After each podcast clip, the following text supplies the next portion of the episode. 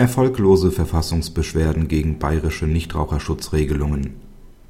Das Bundesverfassungsgericht hat unter Rückgriff auf seine jüngste Rechtsprechung die Verfassungsmäßigkeit der bayerischen Nichtraucherschutzregelungen, die Ausnahmen nicht vorsehen, festgestellt. Die gegen bayerische Nichtraucherschutzregelungen gerichteten Verfassungsbeschwerden einer Raucherin und zweier Gastwirte hatten keinen Erfolg. Die Zweite Kammer des Ersten Senats des Bundesverfassungsgerichts hat die Verfassungsbeschwerden nicht zur Entscheidung angenommen, da die angegriffenen Regelungen verfassungsrechtlich nicht zu beanstanden sind. Der Entscheidung liegen im Wesentlichen folgende Erwägungen zugrunde: Das Bundesverfassungsgericht hat im genannten Urteil entschieden, dass der Gesetzgeber von Verfassungswegen nicht gehindert ist, ein striktes Rauchverbot in Gaststätten zu verhängen.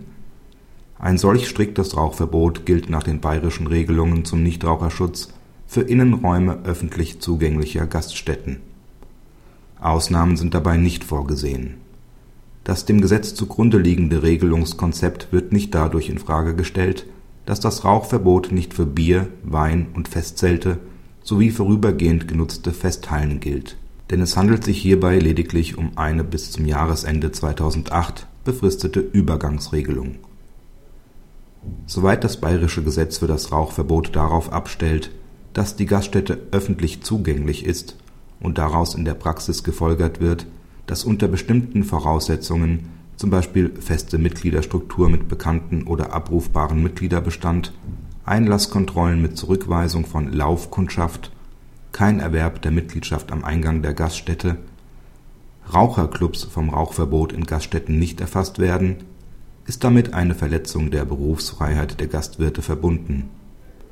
da die Möglichkeit, einen Raucherclub einzurichten, nicht von Voraussetzungen abhängig ist, die die Betreiber bestimmter Gruppen von Gaststätten nicht erfüllen können,